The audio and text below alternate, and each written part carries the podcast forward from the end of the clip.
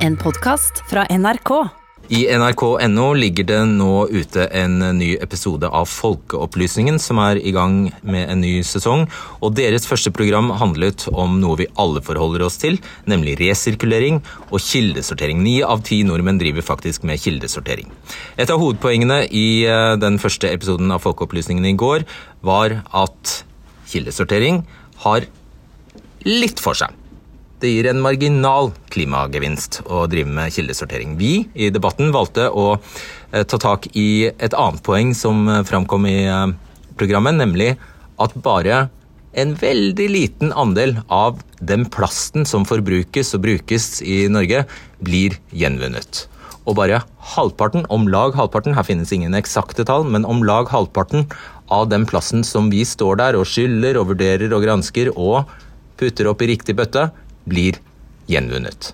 Altså går til resirkulering. Bare halvparten. Så du skal få høre en debatt om hvorfor det er sånn.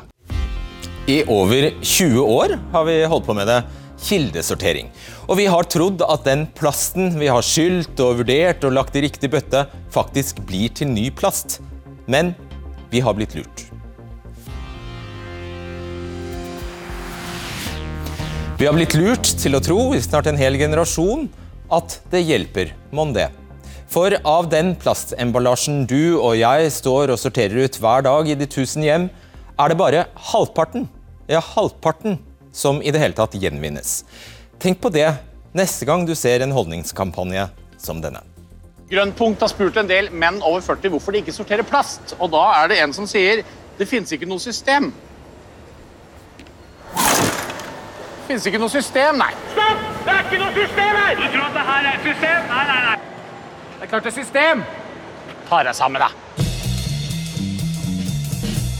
Men systemet fungerer altså ikke. Velkommen til klima- og miljøminister Sveinung Rotevatn og til nyhetsredaktør i Minerva Aksel Fridstrøm. Ja, Det er ikke min eh, påstand bare at vi blir lurt. I NRK-programmet Folkeopplysningen med Andreas Wahl, som gikk på NRK i går, kom det fram at kildesortering er det tiltaket de fleste av oss gjør for å bidra til å redde klimaet. Sveinung Rotevatn, hvem tjener på å lure oss til å tro at all plasten vi kildesorterer, blir resirkulert? Hvem tjener på det? Jeg uh, vet ikke noen som lurer folk til å tro at alt som blir putta i ulike bøtter, blir kildesortert. Uh, og konklusjonen i Folkeopplysningen i går, som jeg så, som var et bra program, var det heller ikke at folk blir lurt. Derimot så var konklusjonen at det å kildesortere er bra for miljø og bra for klima, men at det er ganske mye av det som vi kildesorterer som ikke blir gjenvunnet, men som heller blir til energi. Og Det er et viktig politisk mål at så mye av det blir gjenvunnet som overhodet mulig, og der er vi ikke i mål ennå. Ja, da spør jeg litt annerledes. Tror du at når folk bruker tid på å sortere plast, putter det f.eks. i en blå pose, at de regner med at halvparten skal brennes? Nå har det jo vært ganske mange eh, både nyhetsprogram og avisoppslag videre i mange år om at nettopp ikke alt blir gjenvunnet. Så i alle fall jeg visste godt før folkeopplysningene at ikke alt som jeg putta i mitt eksempel, da, i en blå pose, blir gjenvunnet. Så man har bare fulgt dårlig med? da er dårlig, kanskje en følge, ja, litt Nei, sløv da, hvis man ikke har fått med seg at halvparten brennes? Det du kan vite, er at når du putter bosset ditt ned i ulike bøtter, så blir det forsvarlig håndtert på en miljøvennlig måte. Det ender ikke opp på en eller annen dynge eller i magen på en hval. Det blir håndtert på en ordentlig måte. Ja, og så kan du vite at mye av det mm. blir gjenvunnet og blir heldigvis til nye produkt. Og vi kommer stadig nærmere målet om at mest mulig skal bli gjenvunnet til nye produkt. Og så lenge folk fortsetter å kildesortere, så gjør det den jobben enklere. Ja. Tror du at når vi gjennom kampanjer som den vi så en liten snutt av her, gjennom annen informasjon blir fortalt slike ting som Alex Rosén i en annen kampanje sier, at det er så bra med gjenvinning, det som er så bra med gjenvinning, er at alt blir brukt om igjen. Det er et sitat. Alt blir brukt om igjen. Tror du da at folk, når de får det budskapet, ja, at de innbiller seg at, de er faktisk så, eh, at det de gjør, faktisk vil bidra til at alt gjenvinnes? Tror du det? Ja, nå har ikke jeg laga den videoen, og jeg må jo innrømme at jeg synes faktisk at det høres litt villedende ut. Fordi ja. når du putter ting i ulike bøtter, så blir ikke alt til nye produkt. Alt blir forsvarlig håndtert. Mye av det blir til nye produkt. Resten går til å lage energi, som også er bra for miljøet. men alt blir ikke resirkulert. Mm. Uh, dette var jo bare det vi har snakket om til nå. Denne halvparten som jeg nevner, det handler bare om husholdningsavfallet ditt og mitt. Altså den plastemballasjen rundt uh, forskjellige matprodukter, gjerne, som, uh, som vi putter i søpla. Hvis vi ser stort på det, og ser på all den plastemballasjen som ikke bare husholdningene, men også alt av næringsliv produserer, så, så, planlegger dere myndigheter, du som statsråd planlegger at 70% av den plasten skal brennes. Hvorfor det? Målet med eh, plastemballasje, i alle fall, og det er ikke bare et mål, det er et krav til de som setter plast ut i markedet, er at minimum 30% av det skal bli til nye produkter. Sagt på en annen måte, det jeg nettopp sa. Ja, og så skal jeg si videre at 36% av det blir til nye produkter i dag, så en ligger over det målet. Det er bra. Det neste målet de skal nå, som vi skal innføre snart, er at 50% Veldig sløvt mål, da, hvis det allerede blir nådd?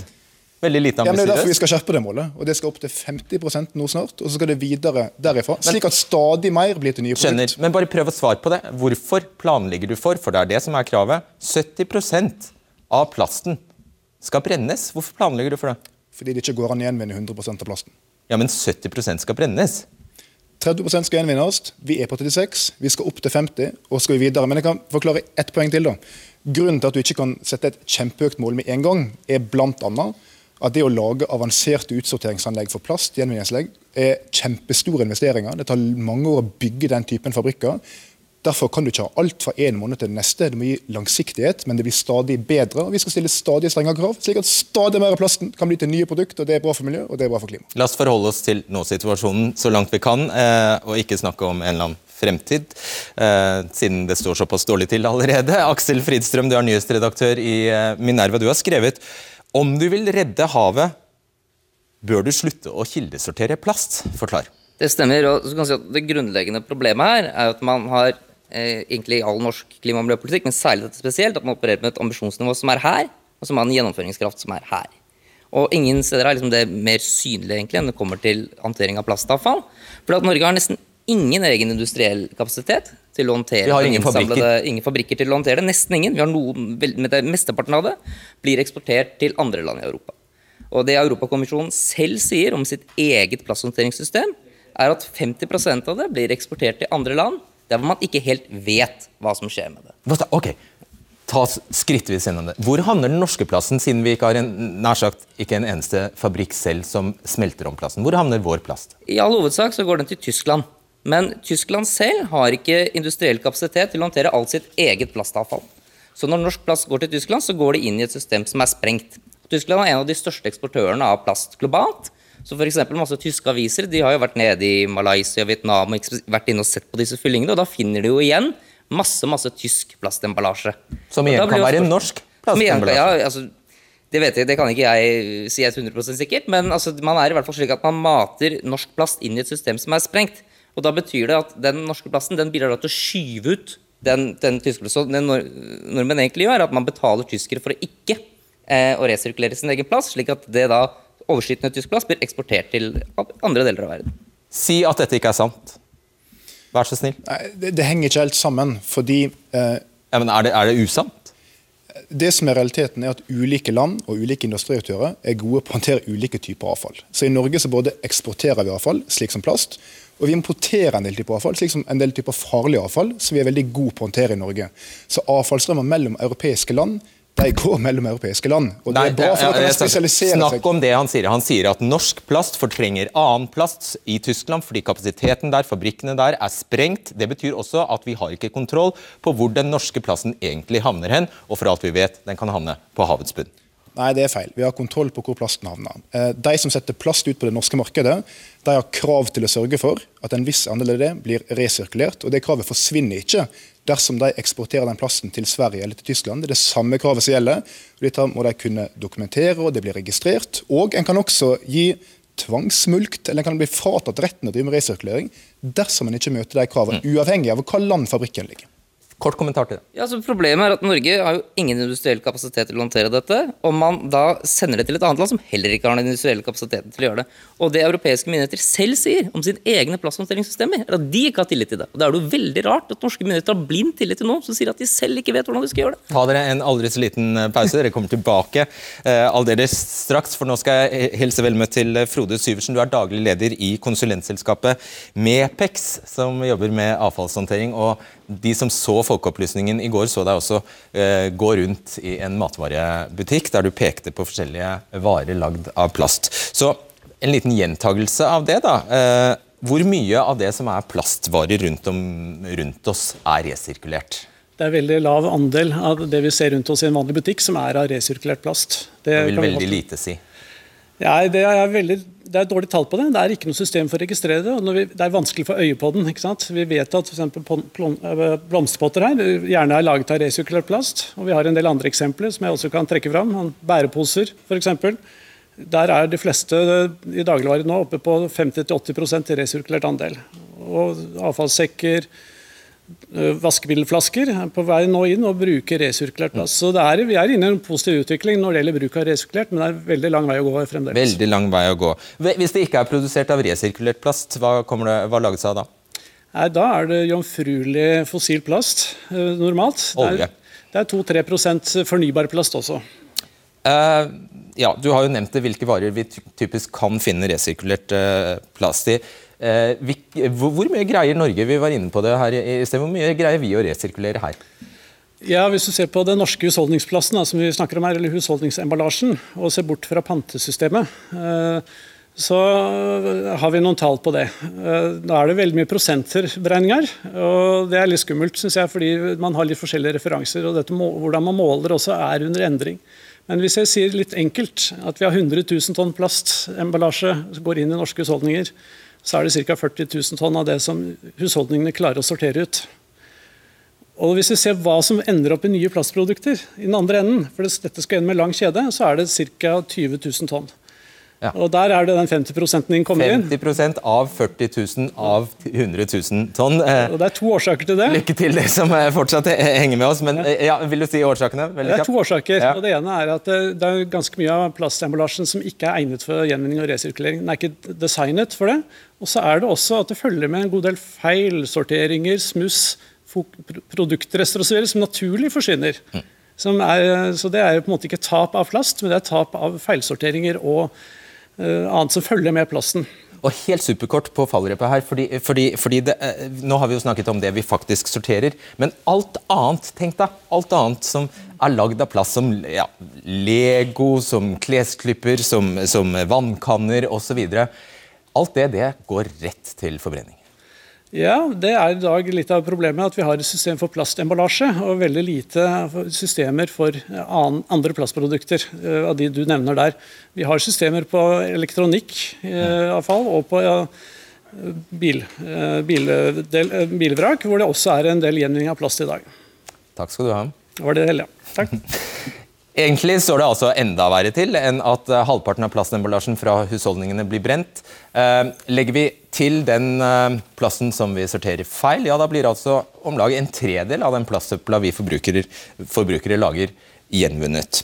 Velkommen til deg, Erik Nakkerud. Du er psykolog og forsker ved Universitetet i Oslo. I spørreundersøkelser svarer de fleste at kildesortering er faktisk noe av det aller viktigste de gjør av klimatiltak. Når, vi, når de da får høre at halvparten brennes opp. Hva skjer da?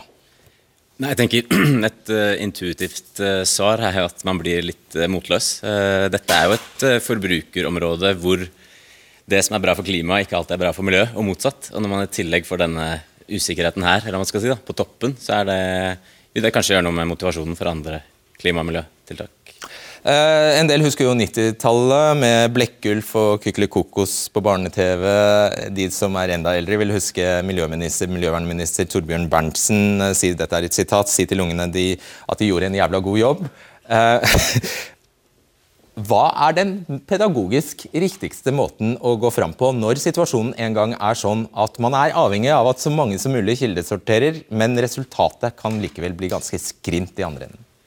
Ja, jeg tenker at man i teorien eh, var, hadde et godt utgangspunkt der. For man sier at eh, folk blir det de gjør. Så det å handle grønt vil gjøre at man da eh, får grønne holdninger på andre områder, og forbruker grønt, og kanskje også stemmer grønt. eh, ikke nødvendigvis partiet. Det var ide ideen. Ideen var det. Og så ser man da at disse spredningseffektene, som man kaller det, at man skal få en sånn snøballeffekt, man gjør flere og flere ting hvis man har begynt med noe, det er ikke nødvendigvis det man ser. da. Så, så hvis man legger inn full skyts på at folk skal resirkulere, så er det ikke sikkert at det fører til andre miljøtiltak i tillegg.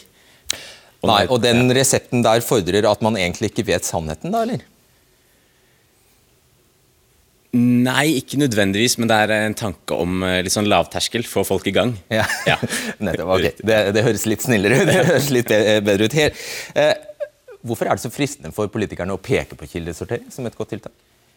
Jeg tror det handler om eh, elefanten i rommet, altså materielt eh, forbruk. Man slipper å forholde seg til veksten i det, og kan kun altså, velger å se på avfallssiden da, og ikke forbrukssiden. At det er eh, ja, litt mindre kontroversielt politisk. Kanskje du har rett. Kanskje. Takk skal du ha. Takk. Da skal jeg ønske vel møtt igjen til Rotevatn og Fridstrøm. I tillegg kommer Johannes Daae og Svein Kamfjord inn i studio her. Har du hatt det noen gang sånn, Svein Unge Rotevatn, at du har følt deg litt sånn ja, små, smålurt? Hvordan pleier du å reagere da? Hvis jeg føler meg lurt, nei, da bruker jeg å bli sint og slå tilbake. Men uh... Kan det være noe i det psykologen sier her, her at det, det har vært dårlig pedagogikk ute og, ute og gikk? Altså, kanskje hvis det er slik at folk tror at absolutt alt som blir levert inn av avfall, blir til nye produkt, så er jo ikke det riktig. Jeg har heller aldri sagt det som miljøminister. Men det som er veldig viktig å si til folk, er at det faktisk nytter. Fordi veldig mye av det du leverer inn, blir til nye produkt. Og det, var, det eneste jeg kan garantere, er at hvis du ikke leverer en ting til resirkulering, hvis du ikke sorterer, så blir det i alle fall ikke til nye produkt. Så hvis du sitter og føler litt motløs, så må du i hvert fall ikke slutte med den sorteringa, for da går det i alle fall ikke bra. Ålreit, vi hører deg. Svein Kamfjord, eh, velkommen til deg. Du er direktør eh, ansvar, eh, med ansvar for avfall og ressurser i samfunnsbedriftene, og representerer de kommunale avfallsselskapene, altså de som henter søpla hjemme hos oss alle.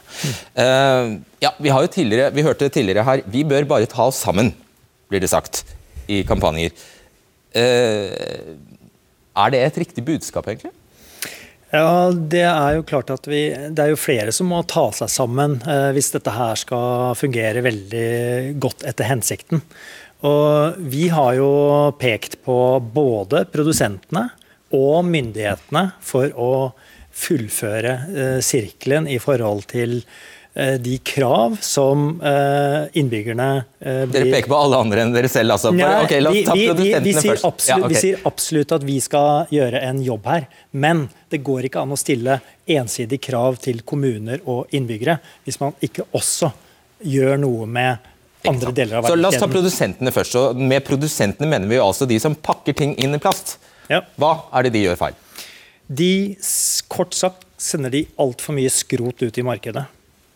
Det er veldig mye av det som produseres og som sendes ut i markedet, som ikke lar seg materialgjenvinne. Eh, Allikevel så bruker vi eh, mye tid og krefter på å sortere det, kildesortere det, og eh, sortere det ut i disse anleggene. Men eh, veldig mye av det er rett og slett eh, ikke gjenvinnbart. Og så tar vi et raskt sveip innom staten, myndighetene, regjeringen, politikerne. Hva er det de ikke gjør som de burde gjort? De eh, må eh, skaffe en god oversikt over hva som faktisk sendes ut i markedet. Og vi mener at de må etablere et register, eh, sånn at vi har full kontroll. Eh, for i dag så har man faktisk ikke kontroll over hva som eh, finnes der ute Av plastprodukter. av plastprodukter. Eh, Og vi mener jo også at alle typer plastprodukter bør omfattes av en såkalt produsentansvarsordning. I dag er det bare emballasjen som er underlagt den type ordning. Ja, som jeg nevnte, alt, alt, alle andre plastting. de faller alle andre plastting de er, eh, er ingen løsning for. Ja. Eh, Johannes Stå, du er utviklingssjef i Grønn punkt, som har hovedansvaret for plastinnsamlingen i Norge. Det er vel ganske riktig å si? Omtrent, På emballasje, i hvert fall. Ja, på emballasje. Omtrent 80% av markedet der. Det er denne logoen dere smykker dere med. Hva, fortell, hva innebærer den, veldig kort? Det er en kvittering på at man har betalt vederlag for at eh, plasten eller avfallet blir tatt hånd om når emballasjen ikke lenger er emballasjen og har blitt avfall. Ja, Så det er ikke en godkjenningsordning eller en Det er det sertifikatordning. Men det kan jo nesten se sånn ut. Jeg ville ha trodd det var det. Den hadde en betydning da det var frivillig. eh, med, med produsentansvarsordning, men etter eh, 2018 så er jo dette da lovbestemt.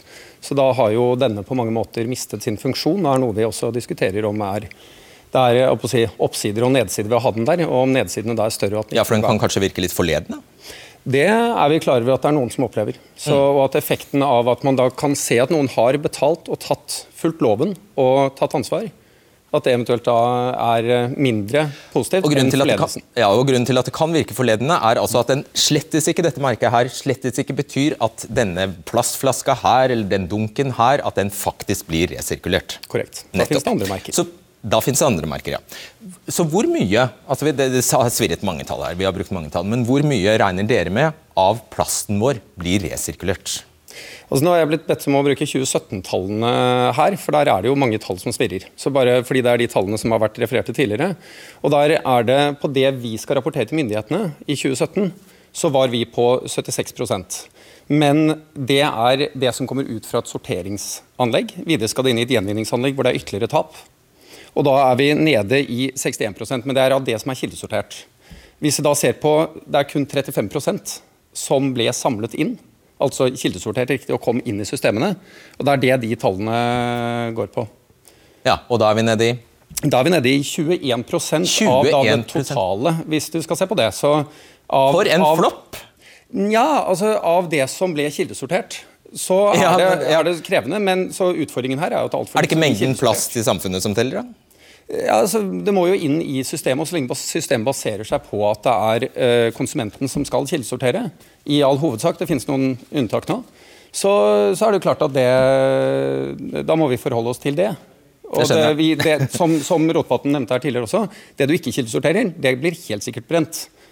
Og så Ja. jobber jo vi med å sørge for at mest mulig blir materialgjenvunnet Og det skal vi ikke sorterer. Og så er dere også rådgivere, og derfor skal jeg, i denne anledning skal jeg ønske velkommen til deg, hva skal vi bare, Sofie Orhaug. Du er direktør for samfunnskontakt og myndighetskontakt i Nei, kommunikasjon og myndighetskontakt i Skansa, som bl.a. står bak eh, merkevarer som Synnøve Finden og ikke minst Sørlandschips. Jeg tror faktisk jeg tillater meg å snu disse posene, fordi hvis vi kan se her, så står det på denne posen, som da skal være, at den er resirkulerbar, at dette er en resirkulerbar papirpose. Hva er historien bak denne posen? Eh, Dette er jo det vi kaller markedets mest bærekraftige pose. Her har vi tatt og kustet 80 tonn plast. Det er vi utrolig stolte av. Da vi produserte posen og utviklet den, så var regelverket slik at har du mer enn 50% papir i posen, skal den sorteres som papiravfall. Og hvor mye papir er det i den? da? 52% papir. 52 Hva er resten, da? Det er plast. Det er plast! Og da har, vi altså, da har vi klart å redusere plast i posen med eh, 52% Vi bruker 52 eh, fossilfritt materiale i den posen. Og det er jo flott hvis bare sorteringsmaskinene takler, eh, takler en sånn jobb, men det flott gjorde de altså ikke, så da er det ikke like flott, for da havnet den i hvor? Da havnet den, den skal i avfall. I I, restavfall. I de nye reglene. Ja, i restavfall, så da ble den brent, da. Men det som er godt, er at vi allerede har kuttet 80 tonn plast før vi kom dit. Så det er bra. Hvem ga dere det rådet om at dere burde sette på den der veldig fine grønne merkingen her? Det var de gamle reglene. Altså, da var det Grøntpunkt som ga oss det rådet, som vi var riktig da. Og så har vi endret reglene, og da har vi også endret merkingen. Hva sa Grøntpunkt helt eksakt? Eh, Det er viktig at den eh, mark markeres som papiravfall. De ba dere om å sette på den, det det Det gjorde de, men det var jo også regelverket for et halvt år siden. Ja, og nå kan vi snu. Fordi dere gjorde jo Dere har denne posen altså, vi, fikk, vi, fikk dog, vi fikk kjøpt den i butikken i dag, Det er 70, så det er jo litt rart. 70% av posen er merket om, så du vil fortsatt finne noen med feilmerking i, i butikken i dag. Det. Denne, da, den nye, er den i bare papir? Nei, Det er samme posen, men den er markert nå som restavfall. Så det er fortsatt kuttet 80 tonn plast. Posen skal i restavfall. Ja, så den eneste forskjellen, Det er samme posen, dere har bare sluttet å Vi merker den nå etter de nye reglene. Villedende merke, merke den med at den er papir. Det som var riktig før, har endret seg, så det er ikke riktig nå, men nå har vi merket det riktig. Og så okay. er det veldig viktig for oss å si at det, den skal bli 100% fossilfri. Det er bra. det er bra. Vi skal ha bort plasten. To ord om dette, eh, fordi dette er annerledes i Sverige, annet. To ord- ord om eh, det norske systemet. Det er altså sånn, Har dere som produsent, altså Sørlandschips, har dere et eget mål for hvor stor del av emballasjen som skal være resirkulerbar? Ja, vi har mål om at 100% skal være det. Ja, men myndighetene gir de, de et pålegg, eller har de et mål for dere? Jeg har ikke noe pålegg fra myndighetene, sånn som jeg har opplevd det. Eh, Men det, holdt på å si, det trenger jeg ikke heller. Vi skal gjøre det som er riktig og bra. For alle Ja. som ikke er like gode mennesker som dere i Sørlandschips eller Skansa, da, eh, så er det altså et system som, som fordi Bare for å forklare det kort, så er det bare hele bransjen har samme mål, nemlig 30% skal være resirkulerbart av plassen. Hele bransjen. Alle som lager plastting. Men det betyr jo at den verste, dette er et system som premierer den verste i klassen. Skulle ønske at det var sånn at alle tok et ansvar, sånn som vi gjør, og redusere plast. Mm. Ja, tusen takk skal du ha. Aksel Fristrøm, hva kaller man et sånt system? Altså, jeg syns at dette systemet er, er, er gjennomgående sett helt dysfunksjonelt. Eh, fordi at man har ikke bygget opp den kapasiteten man, man, man trenger. og man eh, nå er det nylig også kommet et, en irsk studie som peker på blant annet at eh, mellom 1-7% av den europeiske plassen som er, som er innsamlet, den, den ender opp som havavfall fordi at den blir eksportert ut av Europa, der man har mye dårligere avfallshåndteringssystemer. Og Det er jo helt i motstrid til det Rotevatn sier, for han peker på at det er så bra at denne plasten får flytte seg rundt, for da kommer den til den som er flinkest til å håndtere den. Men når du ser på hvor denne plasten ender opp, så ser man at eh, de store mottakerlandene er europeisk eksportert plast. Det er Malaysia, Vietnam, Indonesia, Tyrkia. Og det er ingen som tror at disse er ledende industrinasjoner som kan håndtere dette på en veldig mye bedre måte. Det han sier, er egentlig at dette er en stor bløff. Men det er det ikke. Fordi eh, Motbevis det, da?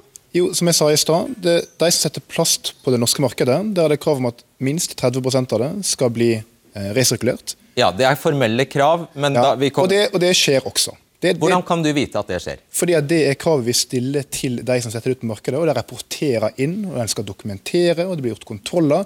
Så vi vet at det skjer. Men det han har rett i, det han har helt rett i, Aksel Fridstrøm, det er at det globale markedet for plast eh, for ganske kort tid siden, noen få år siden, fikk store problem pga. Eh, importforbud i Kina.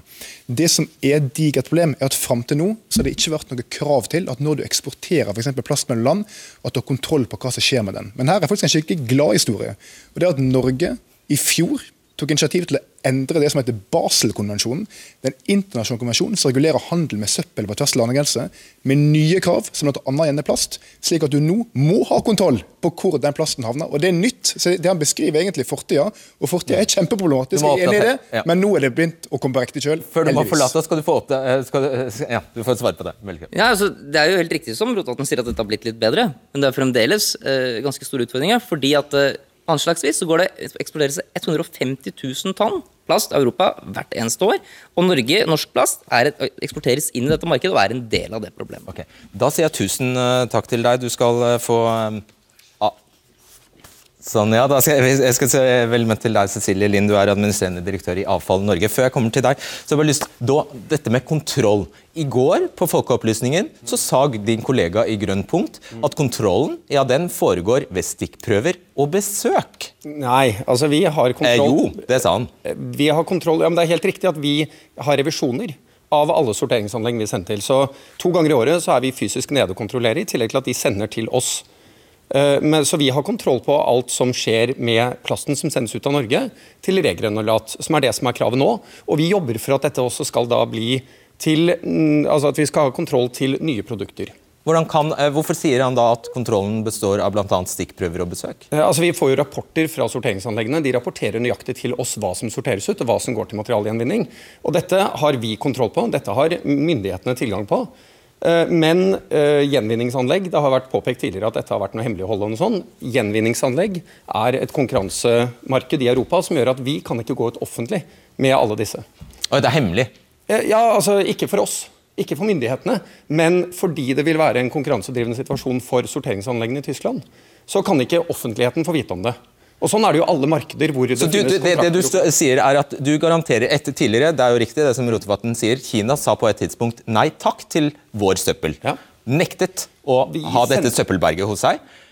Eh, ryktene går om at det vokser et nytt søppelberg i Tyrkia. Du kan, du stå, står, står du her og garanterer for at det ikke finnes en flik av norsk plast i det søppelberget i Tyrkia? Eh, altså, En flik Det kan være en norsk turist som har tatt med seg plast dit, så det kan jeg ikke garantere. og Det har vært noen caser med noen spøkelsescontainere som har beveget seg rundt.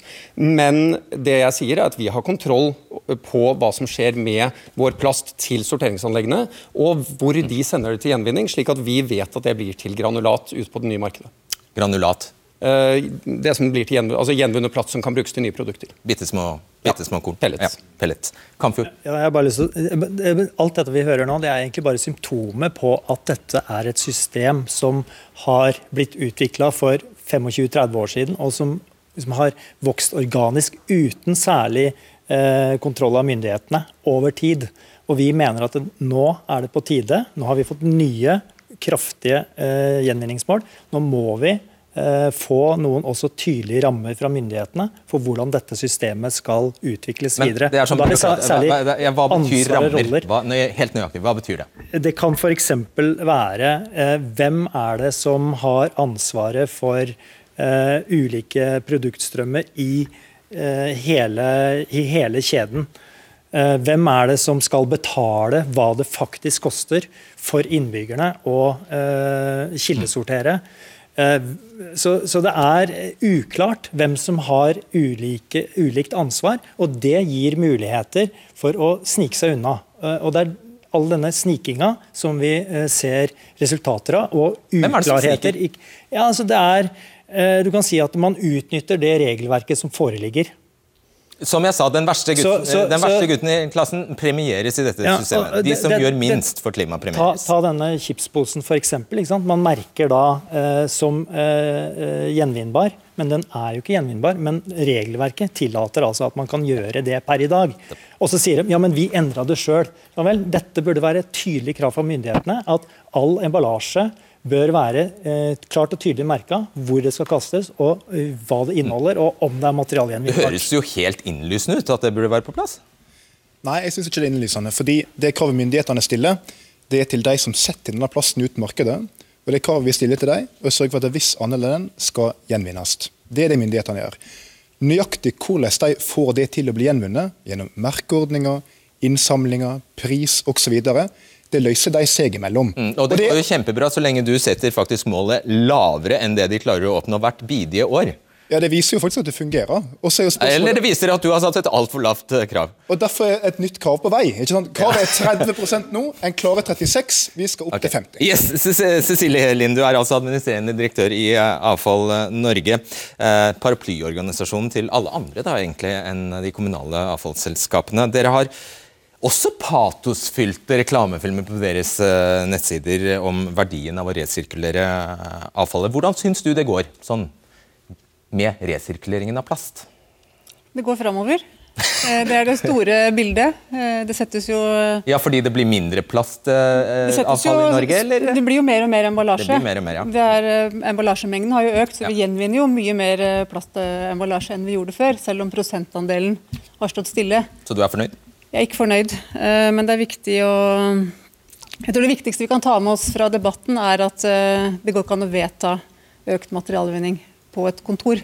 Materialvinning skjer i den virkelige verden med virkelige produkter. Og som i alle andre industrielle prosesser, så er shit in, shit out. Og mer materialvinning krever produkter som er laget for å gjenvinnes. Hva er det ene tiltaket som bare må på plass for at dette dysfunksjonelle eh, systemet, hvis med all respekt jeg får lov å kalle det det, skal begynne å fungere? Det enkleste grepet det er å stille tydeligere krav til produsentene.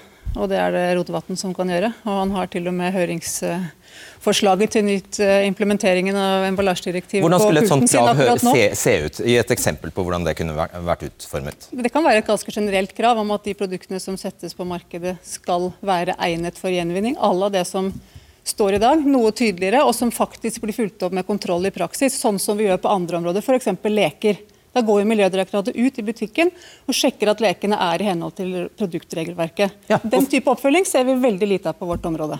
Ja, Hvorfor ikke? Det har blitt bedre og bedre. Så jobber Nei, vi nå... Ja.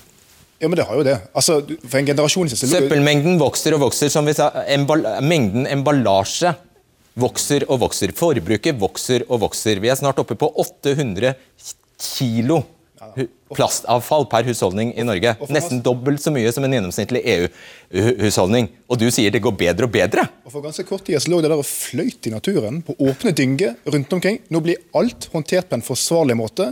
Mye av det blir gjenvunnet. og Det tror jeg er viktig for de som sitter og ser på det programmet. her, de skal være klar over det, At når du putter boss ned i disse bøttene, så blir alt håndtert forsvarlig. Og putter du det i plastbøtter, så blir mye av det gjenvunnet. Gjør du det ikke, Ja eller nei til sånne konkrete krav til produsentene? Ja eller nei til det? Jeg tror at det har mye for seg. Derfor har vi en del forslag ute på høring. Derfor skal vi stille strengere krav til resirkulering. Slik at vi stadig kan sørge for at mer og mer av det du vil resirkulere, blir resirkulert. Og det skal folk være helt trygge på at skjer. Det var det vi rakk. Takk skal eh, dere ha. Debatten er tilbake på eh, torsdag, og i mellomtiden kan du laste ned sendingen som podkast. Og hvis dere da ikke kjefter på meg på sosiale medier etter denne sendingen, så får jeg ro og fred til å lage den, så da er den klar om noen få minutter. Og Folkeopplysningen kan du se i NRK TV. Takk for i kveld. Ja, jeg tror den største lærdommen etter denne sendingen er at vi aldri lærer i redaksjonen. Vi har en tendens til å invitere altfor mange gjester, rett og slett. Veldig ofte fordi vi vil dekke inn så mange perspektiver, så mange synspunkter og meninger som overhodet mulig. Men så glemmer vi litt at det ofte, når vi faller for fristelsen, blir veldig hektisk. Så jeg tror vel kanskje dommen etter denne sendingen var at det ble litt for hektisk. Og nå må vi lære av dette her, altså. Note to self. Men jeg håper det ble noenlunde interessant og fornuftig. Vi har i hvert fall lært veldig mye om plastgjenvinning og fraksjoner og diverse i eh, de to siste døgnene. Og så vil jeg bare takke for at du hører på podkastversjonen av eh, debatten. Vi er tilbake på tirsdag. Nei, det er vi ikke. Vi er tilbake på torsdag. Ha det. Du har hørt en podkast fra NRK. Hør flere podkaster og din NRK-kanal i appen NRK Radio.